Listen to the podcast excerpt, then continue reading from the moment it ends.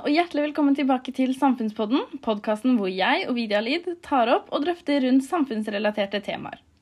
I dag skal vi ta for oss hvordan og hvorfor folk havner i kriminelle miljøer utenfor fengsel. Hvilke mennesker er det som havner der, og hva gjør de egentlig? Først skal vi snakke litt om samfunn generelt og Norge som samfunn. For at et samfunn skal fungere, har vi fem prosesser. Rekruttering, sosialisering, produksjon, fordeling og sosial kontroll. Eh, her er kanskje sosial kontroll viktigst, og sosial kontroll handler om at medlemmene i et samfunn følger lovene og reglene, og å overvåke, registrere og straffe de som bryter reglene i samfunnet. I tillegg til sosialisering, da, som går gjennom i egentlig alle samfunnsrelaterte temaer, også kriminalitet. Sosialisering handler om å vite hvilke regler som gjelder, og hvor de gjelder. Og sosialisering skjer nå skal jeg si det på en litt vanskelig måte, da, men ved et samspill mellom personers motivasjon, det sosiale miljøet der personer lever, og kulturen som er i samfunnet. Grunnlaget for sosialisering er den hverdagslige sosiale interaksjonen som utvikles i barndom og oppvekst med mennesker og individets miljø. Dette vil jo si at vi sosialiserer egentlig hver dag, på skolen, på gata. Bare vi møter andre mennesker, så sosialiserer vi egentlig. Og vi lærte å sosialisere helt fra primærsosialiseringen, hvor vi lærte å snakke og kommunisere med andre mennesker. En vellykket sosialisering vil føre til også et ganske vellykket samfunn. Vi kommer til å kommunisere godt med hverandre, og derfor også samarbeide godt. Det er derfor viktig å se på dette når det gjelder miljøer i kriminalitet. Eh, begrepet kriminalitet blir vanligvis brukt om handlinger som er forbundet med lover. Men hva som blir oppfatta som kriminelt, kan variere i ulike samfunn, og det har også variert opp gjennom historien. Eh, noen handlinger er blitt kriminaliserte, mens andre er blitt avkriminaliserte. Kriminalstatistikken viser at det er ungdom som oftest er skyldig i lovbrudd og blir straffa for det. Den kriminelle lavalderen i Norge er 15 år, og flertallet av de som blir straffa, er unge menn. Et annet kjennetegn ved ungdomskriminaliteten er at det oftest blir utført sammen med andre som er like gamle som deg. Voksne derimot utfører ofte eh, lovbruddene alene. Kanskje dette også sier noe om de ulike kriminelle miljøene? Det tror i hvert fall jeg. Den registrerte ungdomskriminaliteten henger nært sammen med vanskelige sosiale forhold. Og dette er ofte pga. levekårsproblemer. Levekårsproblemer kan f.eks. være manglende nettverk, ingen eller liten tilknytning til arbeidslivet, trange boliger, dårlig norskkunnskap, dårlig økonomi og lav utdanning. Altså f.eks. de som dropper ut av videregående og ikke tenker at de har så mye fremtid. Som regel er det mange grunner til at en person blir lovbryter, men en fellesnevner er nok at mange av de på en eller annen grunn har falt utenfor og holdes utenfor fellesskapet. Dette kan være fordi de ikke er tilknyttet noen skole eller arbeidsliv, eller at de har lite nettverk som fører til at de ikke har tilhørighet til storsamfunnet. Viktige årsaker til at noen får opplevelse av utenforskap, kan være fordi de har psykiske problemer, opplever ensomhet, har rusproblemer, er rammet av fattigdom eller sliter med å bli integrert i samfunnet. Dette er det sosialiseringen hjelper med, og viser derfor at det er viktig at man har en trygg oppvekst hvor man har hverdagslige interaksjoner med folk, og fortsette videre med skole og utdanning i arbeidslivet. Fordi, nå kommer noe av det viktigste, om man ikke føler seg velkommen og ivaretatt av samfunnet, så blir jo også lojaliteten til fellesskapet liten. Da blir det lettere å bryte lover og regler som gjelder for storsamfunnet, altså Norge, og heller at mindre samfunn blir viktigere. Da blir det også lettere at egne interesser eller de mindre samfunnene som kriminelle samfunn fører man en mer tilhørighet til og følger de reglene isteden. Det finnes mange ulike kriminelle miljøer i Norge. Og de fleste som begår eh, lovbrudd, har jo hatt en vanskeligere bar eh, barndom eller bakgrunn. Men eh, et økende problem i Norge er organisert kriminalitet. Kriminalitet, eh, for at kriminaliteten skal bli betegnet som organisert, så må den forekomme i et samarbeid over tid, og den må være i en viss alvorlighetsgrad. En organisert kriminell gruppe må være minst et samarbeid mellom tre personer eller flere, og som må ha hovedmål å begå en handling som kan straffes med fengsel i minst tre år.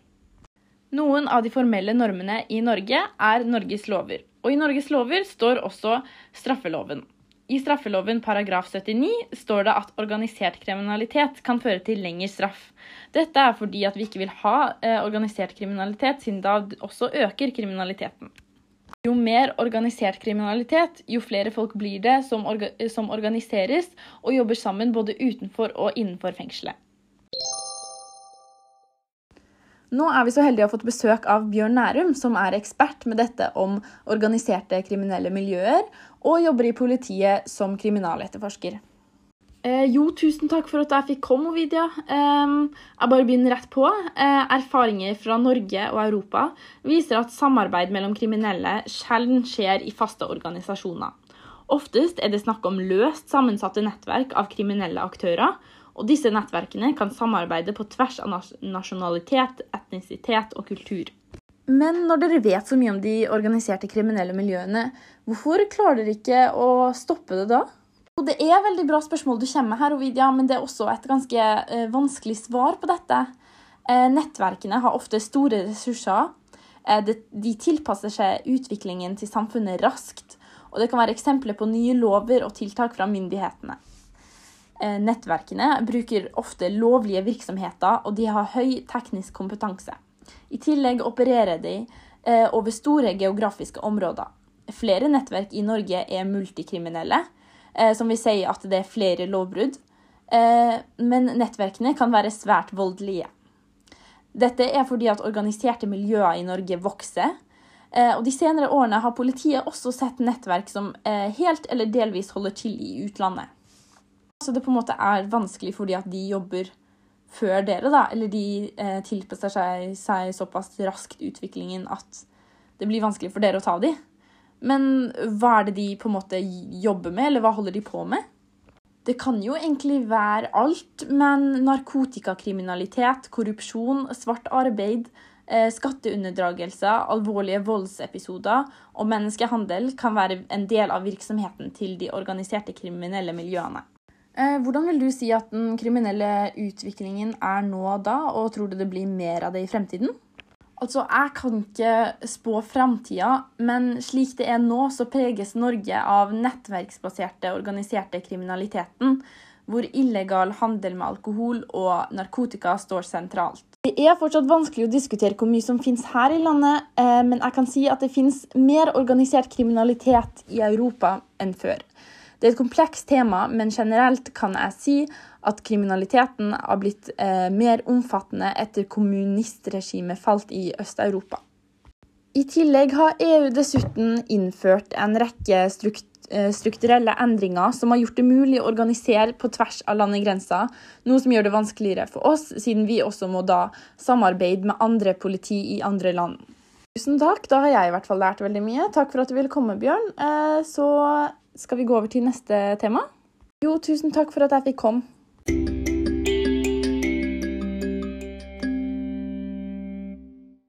Eh, det jeg tenker da er det viktigste for å forebygge kriminalitet, blir å prøve å forhindre at mennesker faller utenfor fellesskapet. Her er jo barnehage, skole og arbeidsliv viktige arenaer. Eh, politiet og forskere mener at moralske barrierer er det som forebygger mest kriminalitet. Alle har en mulighet til å forhindre kriminelle handlinger ved å vise at dette er moralt uakseptabelt. Holdninger til rett og galt formes som oftest gjennom oppveksten. Men de påvirkes også av lovendringer. Så det som vi kan huske på, er at folk har hatt ulik oppvekst, og at man kan prøve å i hvert fall inkludere alle, slik at ingen føler seg utenfor i storsamfunnet. Eh, og politiet mener også at vi og de vil bygge moralske barrierer mot kriminalitet, redusere rekruttering til kriminelle miljøer, eh, avskrekking eh, ved trussel om straff, avverging ved å oppdage og stanse kriminelle handlinger før de skjer, uskadeliggjøring av å frata gjerningspersoner evnen til å gjøre lovbrudd, beskytte sårbare mål, redusere skadevirkninger, redusere gevinster fra kriminelle handlinger og hjelpe personer som har gjort lovbrudd, til å komme tilbake til et normalt liv. Den siste her tror jeg er veldig fin. Hjelpe personer som har gjort lovbrudd til å komme tilbake til et normalt liv. Fordi at når man er i fengsel, så har man det kanskje ensomt og vanskelig, og at det blir lettere å komme tilbake til miljøet etter fengsel igjen. Og Derfor så tror jeg det er viktig at vi og resten av samfunnet kan hjelpe personer som har gjort lovbrudd, til å komme tilbake til et normalt liv. Dette var alt for dagens episode. Tusen takk for at du hørte på. Vi ses neste onsdag. Husk å inkludere og ha en fin uke.